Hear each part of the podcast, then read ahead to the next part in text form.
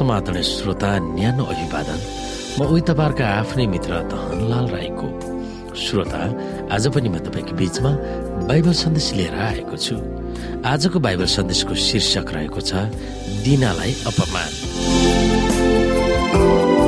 श्रोता याकुब आफ्नो दाजुसँग पुनर्मिलन भइसकेपछि अब सुरक्षित र शान्तसँग कनान देशमा घरबार जोडेर आफ्नो बाँकी जीवन बिताउन चाहेका थिए। जीवनको बाँकी यात्रामा उनी शान्त र सुरक्षित रहन चाहेका थिए। याकुब आफ्नो बाबुको घरमा त फर्कन्छन् सायद आफ्नो बाबुको जायज यथा सम्हाल्न र पैतृक सम्पत्तिको उपभोग हिसाबले नै गरेका थिए र त्यसमा याकुबले हस्तक्षेप गर्न नचाहेको पनि हुन सक्छ। आफ्नो पैतृक सम्पत्तिको लोभ नगरी कनान देशमै रहन त्यहाँका बासिन्दाहरूसँग जमिन किन्छन्। त्यस जमिनमा सर्वप्रथम उनले परमेश्वरको निम्ति वेदी स्थापना गर्छन्। उनी परमेश्वरमाथि कतिको भर परेको थियो भन्ने महसुस गरेर नै उनले वेदी बनाएका थिए।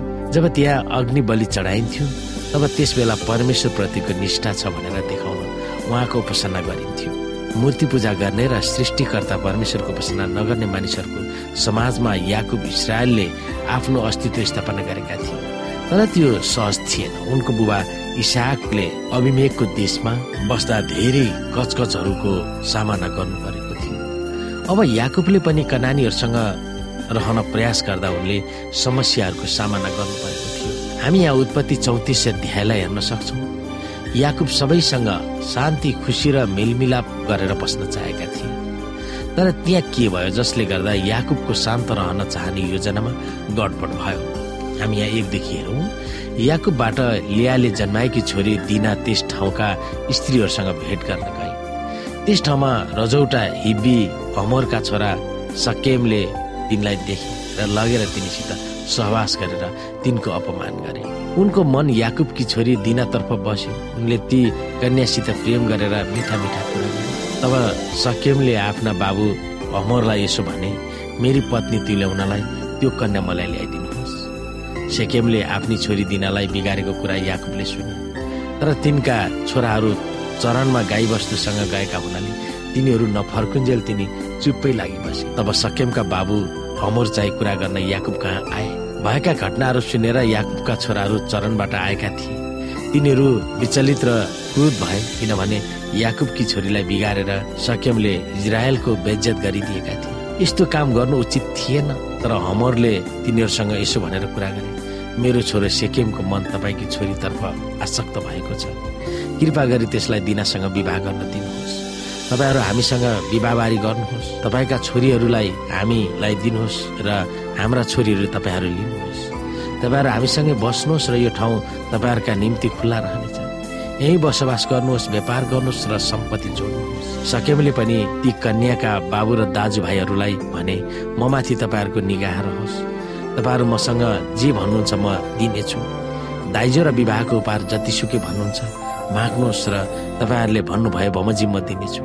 केवल त्यो कन्यासँग मलाई विवाह गर्न दिनुहोस्। सकेमले तिनीहरूकी बहिनी दिनालाई बिगारेका हुनाले याकुबका छोराहरूले सकेम र हमरसँग कपट राखेर जवाफ दिए। तिनीहरूले उनीहरूलाई भने खतना नभएकोलाई हाम्री बहिनी दिने काम हामीबाट हुनै सक्दैन।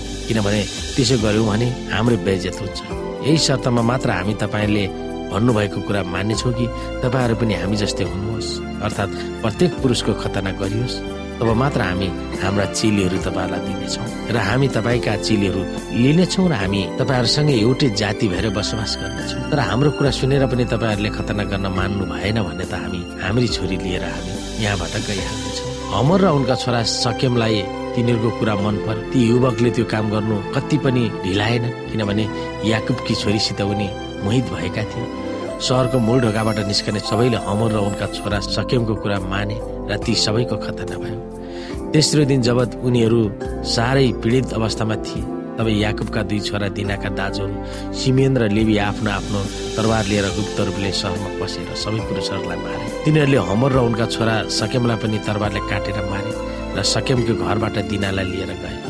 अनि याकुबका छोराहरूले तिनीहरूकी बहिनीलाई उनीहरूले बिगारिदिएका हुनाले ती मारिएकाहरू कहाँ आएर त्यस सहरलाई लुटे। तिनीहरूले उनीहरूका बगाल र पथानहरू गधाहरू र त्यस सहरमा र खेतमा भएका सबै कुरा पनि लगे। उनीहरूका सबै धन सम्पत्ति सबै बालबच्चा उनीहरूका पत्नीहरू कैद गरे र घरमा जे जति थिए ती सबै तिनीहरूले लुटे। श्रोता यस कथामा सामेल भएका पात्रहरूले निज र तुच्छ काम गरेका थिए। अनैतिक छलकपट स्वभावहरू ती पात्रहरूले देखाएका थिए। त्यहाँका ठुलाबडाका छोरा सकेमले दिनालाई कामुकको बासनामा पारेर आफूसँगै सुताउँछन्। दिनालाई प्यार गरेको छु भनेर देखाउँदै उनीप्रति गरेको अन्यायको स्रोत भर्न तिर्न र उनलाई आफ्नै श्रीमती बनाउन उनी जे गर्न पनि तयार हुन्छन्।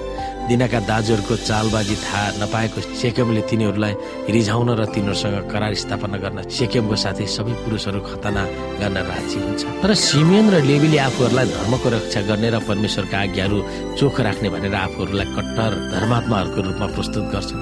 नानीहरूसँगको विवाहबारे चल्न नहुने भन्ने कुरामा अडिक हुँदै तिनीहरू धर्म र नैतिकताको नाउँमा स्थानीय बासिन्दाहरूसँग छलकपट र झुटो व्यवहारहरू गर्छन्। सबै पुरुषहरूको हत्या गरेर तिनीहरूको सहरै लुट्छन् आफ्नो बहिनीलाई बेजत गरेकोले त्यसको बदला लिन ठिकै थियो भनेर दाजुहरूले ठानेका थिए। तर एकजनाको गल्तीले सबै मानिसहरूलाई मुस्ने तिनीहरूको कार्य निन्दनीय मात्रै थिएन। त्यसले गर्दा धेरै समस्याहरू निम्त्याएका थिए। तर याकुब सबैसँग शान्तसँग रहन चाहेका थिए। जब आफ्नी छोरीलाई जबरजस्ती करणी गरेको खबर उनले सुने तब स्थानीय बासिन्दाहरूसँग मिलेर बस्न त्यस मामिलामा उनी चुपचापै रहे। तर उनको छोराहरूले जे गरे त्यो थाहा पाएपछि उनले खुलेर नै सिमेन्द्र लेबीलाई गाली गर्छन्। कनानी र परिजहरूको यस देशमा तिमीहरूले मलाई अप्रिय तुल्याएर सङ्कटमा पारिदिएका छौ।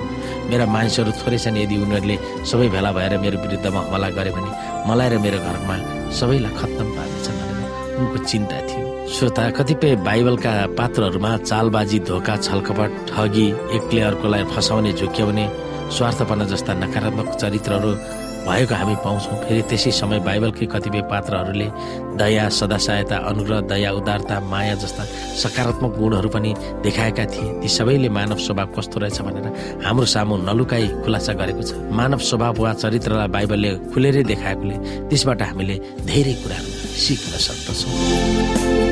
श्रोता आजको लागि बाइबल सन्देश यति नै। हस्त नमस्ते जय बसिया